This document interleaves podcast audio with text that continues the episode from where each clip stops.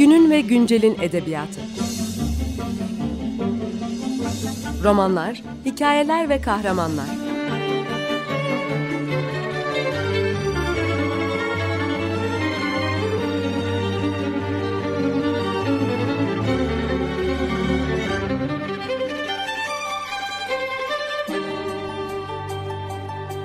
Hazırlayan ve sunan Seval Şahin.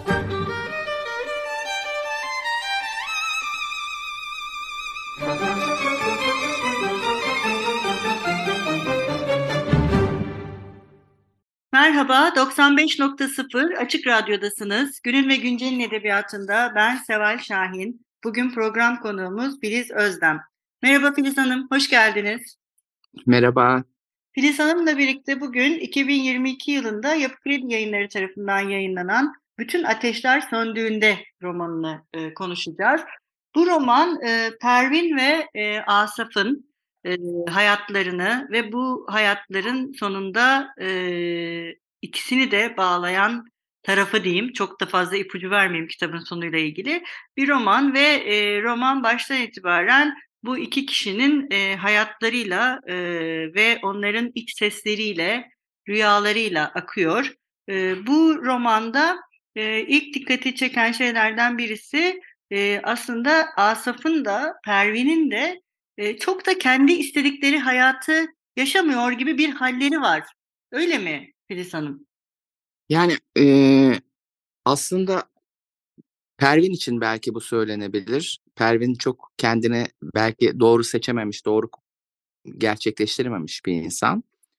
Asaf için bu çok söylenemez. Asaf e, hayatın zorluklarıyla baş ederken bunlara dair bir dil geliştirmiş, doğayla iç içe yaşayan, bir tür halk bilgesi diyebileceğimiz bir insan ama onun da hayatında bir kırılma noktası oluyor tabii.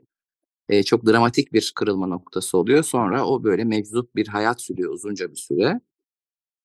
E, ama sonunda herkes bir akış, bir yol, bir çözüm buluyor herhalde hayata dair.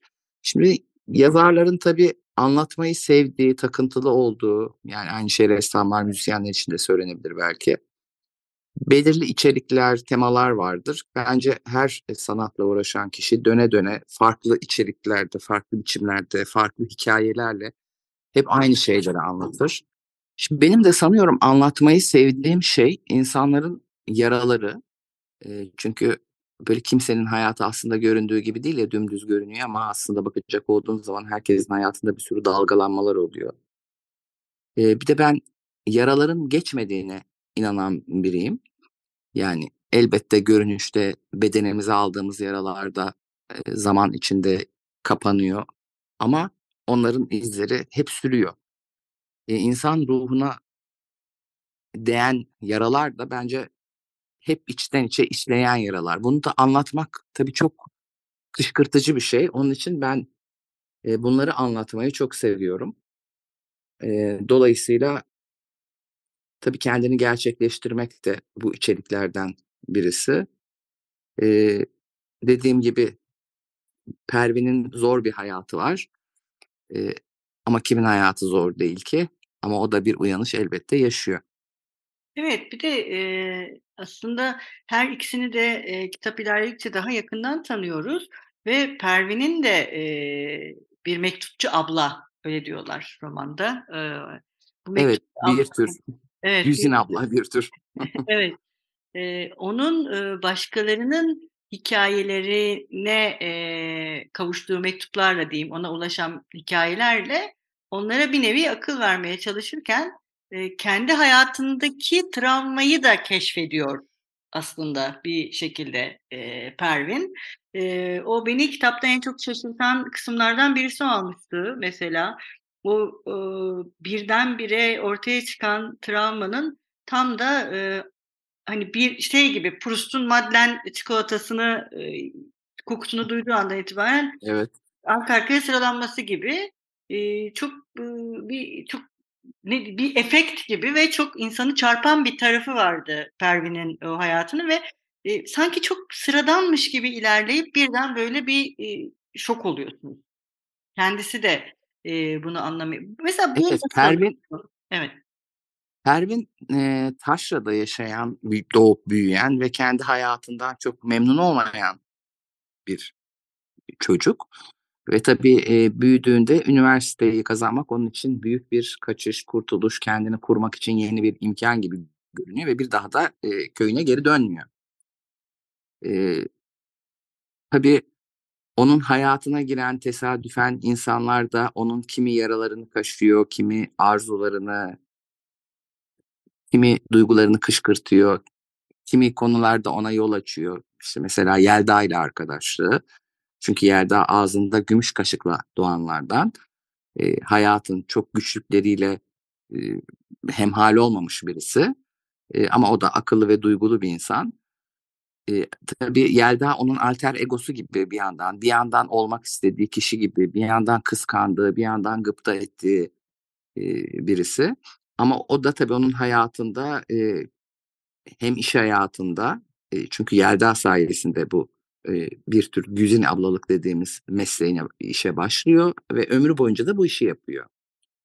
Ama işte tabii bir sürü mektup da geliyor. Sonunda orada tabii sıradan mektuplar geliyor ama sıra dışı gelen bazı mektuplar var Pervin'in sakladığı. Ee, evet onlar bir şeyleri açığa çıkarıyor onda. İşte hayatta hep böyle bir şeyleri açığa çıkarmak için bir şeyler bekler ya. İşte Evet. demin söylediğiniz Proust göndermesi gibi işte koku hafızası, Evet. işte onun dışında rüyalar, mektuplar, bir çiçeği koparmak, küçücük bir şey, bir bardağı elinizden düşürüp kırmak işte her şeyi bir şeyi hatırlatıyor çünkü insana bir gediği aralayı veriyor. Evet, ama Yelda'nın da bir, hayatı farklı, göründüğü gibi değil mesela. Sizin de Değil, evet. Yani Gördüğünüz okur yazar, düşünen, duygulu bir insan aslında Yelda'da evet. Yani çok kendi böyle asilzade birisi, e, burjuva sınıfından gelen bir kadın ama e, o da hayata farklı bakan birisi. Hem onun da başka bir hikâyesi olduğunu da öğreniyoruz. Yani o da, Evet, gerçek olduğunu zannettiği şeyin öyle olmadığını fark ediyor ve bir evet. yandan, eee, ikisinin de birbirine bakışları değişiyor aslında. Hani biz romanda hiçbir, eee, zaman Yelda'nın gözünden bir şey görmüyoruz fakat Pervin, eee, ve Yelda'nın bir araya geldiği kısımlar öyle bir, eee, birbirine geçmiş ki, eee, sanki Yelda'nın da sesi onun sesinin üzerine eklenmiş Karışmış. gibi, Evet. değil mi? Karışmış gibi. Eee Evet işte hayat çünkü böyle hep bizi beklemediğimiz yerlerden sınar, hep beklemediğimiz yerlerden çünkü hiçbir şey sandığımız gibi olmaz. E, hayat onun için tuhaf, macera dolu, acı dolu, sevinç dolu. İlginç bir yer. Nereden sınayacağı, ne yapacağı hiç belli olmuyor. Evet, bu iki Yani. kadının dostluğu da, eee, eee, çok kıymetli bir dostluk romanda. Evet. Kıymetli, eee, kadın arkadaşlığı üzerine yazılmış da bir roman olarak okudum ben, eee, Bütün Ateşler Söndüğünde'yi.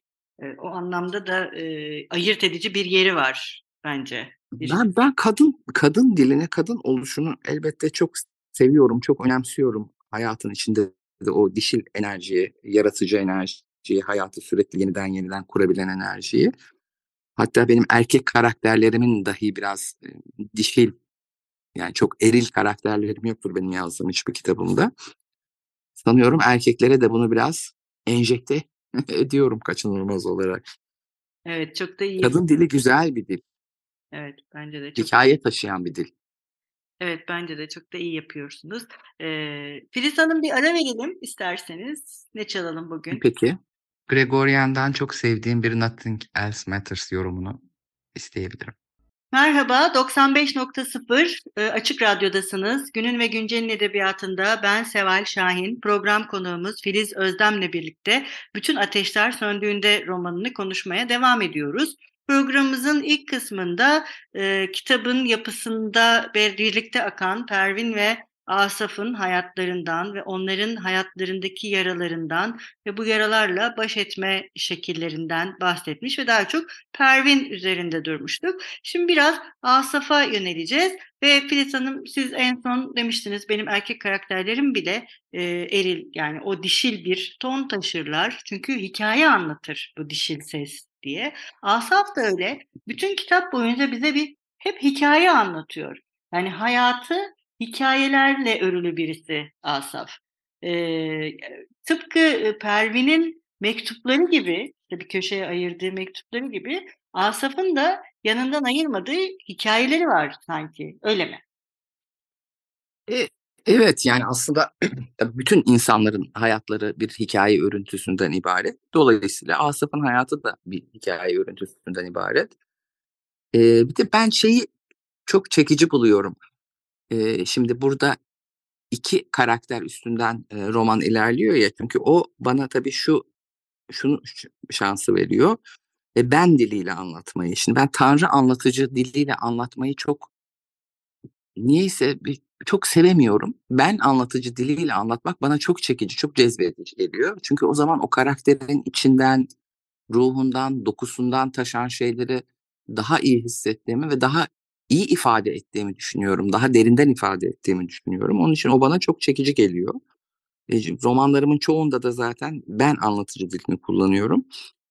E, Asaf evet hikayelerle dolu ve benim çok sevdiğim, yazarken çok sevdiğim bir karakter oldu Asaf. Yani sıradan bir insan, bir e, köyde doğmuş, büyümüş ama gözleri dünyaya başka türlü bakan, başka türlü bir açıklığı olan, ruhunda başka genişlikler olan, işte doğaya başka türlü bakan, aslında kendini iyi gerçekleştirmiş, sevdiği bir işi yapıyor marangoz ve çok severek yapıyor işini.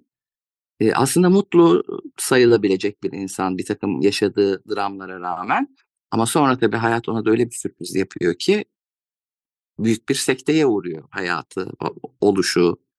Çok inançlı bir insan Asaf. Bütün inancı sarsılıyor. Hayatla olan bütün ilişkisi, eriyor, bitiyor ve yok oluyor. Ve o kendini yollara vuruyor, bir meczup gibi yaşıyor. Bu uzunca süren bir yolculuktan sonra kendine bir adres buluyor. Eee, tabii bir yandan ben anlatıcıyla diliyle anlatmayı sevdiğim için Asaf'ı ve Pervin'i ayrı ayrı anlattım. Bir yandan da tabii, eee, sizin de başından söylediğiniz gibi, hani, bir sürprizi var sonuçta bu romanın. Onun onun için de çok uygun bir kalıpta anlatmak açısından benim için iyi bir kurguydu o.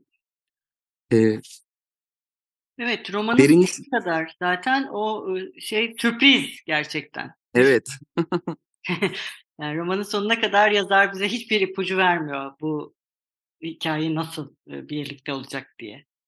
Pardon, Evet, sonunu da sonradan ne olduğunu da bilmiyoruz. Hayat ne gösterecek, onlara ne gösterdi bilmiyoruz. Artık okura kalmış bir son Evet. diyebiliriz buna. Evet, kitapta, eee, her bir Pervin ve Asaf anlatısından önce epigraflar var. Onlar bir de italik olarak yazılmış. Eee, bunlar acaba bir çok seslilik mi? Yani Pervin ve Asaf'ın sesinin birleştiği yerler mi bu epigraflar kitapta? Onlar yazarın yazarın sesi artık, anlatıcının sesi, benim sesim diyebiliriz. Yani artık orada anlatıcı aralara küçük dokunuşlarla, ben dilinden anlatılan bir kitabın içinde küçük dokunuşlarla olaya dâhil olduğunu, o tarihe, o duyguya, o akışa dâhil olduğunu belli etmek istiyor herhâlde diye düşünüyorum ben. Ama tabii öyle de okuyabilirsiniz artık. O her okurun kendine kalmış, bir şey. Peki Nasıl güvenirse öyle okunabilir. Peki bu anlatıcı olarak neden, anlatıcının sesi de orada olmalı diye düşündünüz? Bu Dayanamadım herhâlde. Genellikle anlatıcı sesiyle anlatmıyorum. Hı hı. Eee, ben sesli ben dilinden anlatıyorum ama nedense bilmiyorum bazen yani her şeyi de çok eee, şimdi bir kitabı yazarken işin en eğlenceli, daha doğrusu benim için en böyle heyecan duyduğum kısmı kurgu kısmıdır. En başından yaptığım kurgudur. Ama bazı yani kurgu çoğunlukla da yaptığınız gibi ilerler ama bazen işte yan karakterler çıkar, bir şeyler çıkar. Kitap kendi akışı içinde sizi başka biçimde içine alır. Eee, sürpriz bir şeyler çıkabilir ama genellikle çünkü sonuçta bunun da bir matematiği var. Çünkü edebiyat da bir matematiktir sonuçta. Hı hı. Eee, ama o epigraflar sonradan çıktı ve onları, eee, koymadan da edemedim. Bir bir şımarıklık etmek istedim herhâlde yazar olarak. Ben de varım demek istedim orada ayrıca. Evet. Ya, bir eşlikçilik hâli var o epigraflarda. Hani, o yüzden ben çok sesli bir şey gibi düşündüm. İkisinin sesi Eee, birlikte evet, bir yandan da tabii şey yanı da var orada tabii, eee, latifeyi bir kenara bırakacak olursak, böyle bir kutsal kitaplarda kullanılan dil gibi bir, eee, dil de var orada. Eee, çünkü o insanların başlarına gelenleri biz okuyoruz ya. Ya, bir yandan da böyle kader diye bir şey var mı? E, biz neyi nereye kadar yazabiliyoruz? İşte Asaf'ın o inanç silsilesinin zedelenmesi, e, bütün bunlardan çıkan herhalde öyle tuhaf bir şey oldu orada.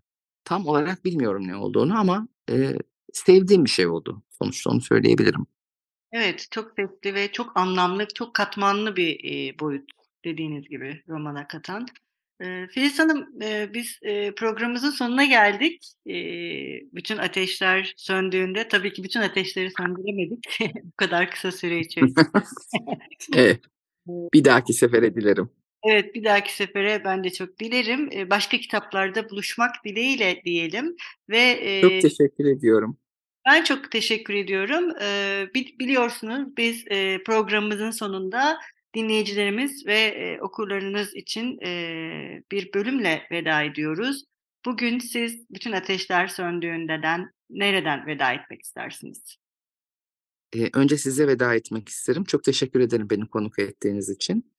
Ee, metin olarak da Asaf'la Asaf'ın yollara kendini vurduğunda kaldığı, durakladığı bir yerle veda etmek isterim. Ben de çok teşekkür ediyorum. Hoşçakalın. Görüşmek üzere. Sevgiyle kalın. Hoşçakalın. Buyurun. Yüzlerce yıl öncesinden kalma bir taş ocağındaydım. Bir göğe, bir yere baktım. Yerlerde yatan bu sütunlar denizleri aşıp gidecekleri yere varabilsinler, varabilseler kim bilir hangi tapınağı yükselteceklerdi ama işte burada, ay ışığı altında, gecenin bağrında, gök kubbenin gölgesinde, zamana inat otların arasında dağ başında yatıyorlardı. Vaktiyle bu gökleri dolduran kanatlı devasa tanrısal varlıkların uçarken hız kazanmak için geride bıraktıkları bacaklarıydılar sanki. Sonra onlar kanatlarının altına rüzgarı doldurarak çekip gitmişler, başka diyarların bilinmedik zamanlarına akmışlardı. Bir ay ışığının altında sırtları parlayan görkemli sütunlara baktım. Bir de uzun, cılız etten bacaklarıma. Bacaklarımı karnıma çektim. Oğlumun bacaklarını düşündüm. Dalgaların açtığı eski bir kalyondan kopup gelmiş bir tahta parçası gibi oradan oraya savrulan biçare gövdesini. Şimdi yavrum balıklara mı kalmıştı? Kıtmer'in başını severken katıla katıla ağlamaya başladım.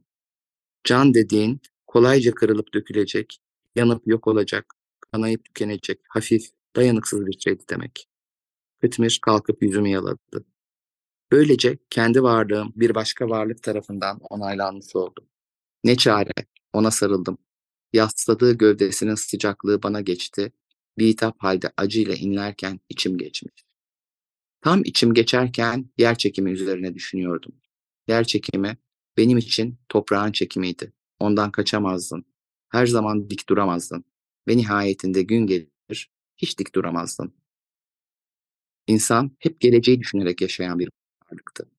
Ama bunu yaparken yanlış adımlar atmaktan kaçamıyordu. Bu adımlar onu hep düne düşürüyordu. Düne düşmek, geçmişe düşmek değildi. Dün en yakın geçmiş gibi görünse de geçmiş değildi. En kolay hatırlanan geçmiş zaman olarak en hayal kırıcı, umut bileyici bir yok zamandı. Dün en büyük ölüm bahçesiydi. Geçmiş birikmiş dünlerden oluşan engin, yumuşamak, yumuşak bir hatırlama bahçesiyken, dün hiçliğin en sert, en zalim, en keskin yüzüydü. Her şey bütün berraklığı ve bulanıklığıyla orada öylece duruvermekteydi. Ölü dünler çokluğunda.